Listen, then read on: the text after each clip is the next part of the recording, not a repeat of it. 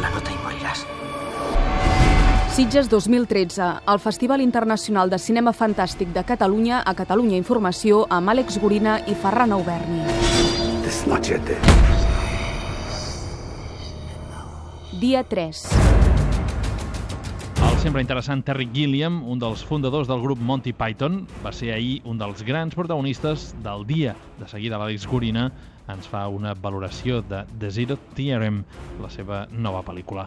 Un retorn a la fantasia, a la fantasia futurista, on Gilliam parla del sentit de la vida. En una trobada amb el públic, el director nord-americà, amb la seva ironia i camisa llampant habitual, va criticar la societat actual al 3D i la quantitat de remakes que fa Hollywood actualment. També va reflexionar sobre la diferència sobre The Zero Theorem amb Brasil, un dels seus títols clàssics, que ja té més de 25 anys.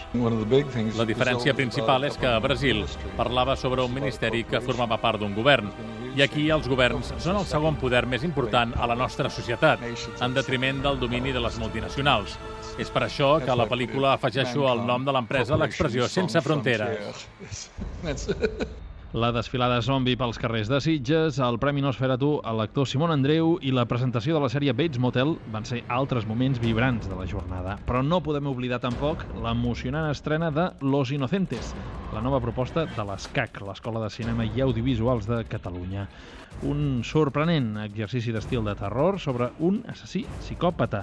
El talent, doncs, del país està més que garantit, ho demostra aquesta producció col·lectiva de 12 estudiants a punt d'accedir de ple al mercat laboral.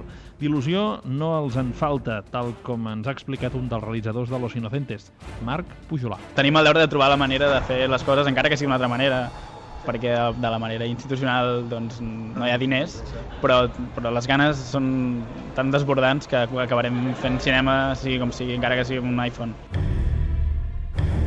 La crítica. The Zero Theorem de Terry Gilliam en Brasil i 12 micos podria formar un tríptic, tot i que en realitat és un díptic en Brasil que en realitat acompleix el vell somni del director, fer un Philip K. Dick sense fer-lo, o donar la seva particular versió del món Blade Runner més Matrix. Es tracta d'un film claustrofòbic i filosòfic que posa en evidència la futilitat d'una humanitat que fuig cap endavant al seu destí del no-res. Amb una interpretació estel·lar de Christoph Waltz i una posada en escena atapeïda i referencial, compta un disseny visual curiosament molt cromàtic i gairebé pop. Ah, obra també de Nicola Pecorini, el director de fotografia sec d'un ull que sembla el cíclop que tot ho sap, tot ho veu i tot ho controla. Molt interessant. I consti que és una pel·lícula baratíssima. Aquest és el mèrit. Amb l'imaginació s'aconsegueix substituir la inversió.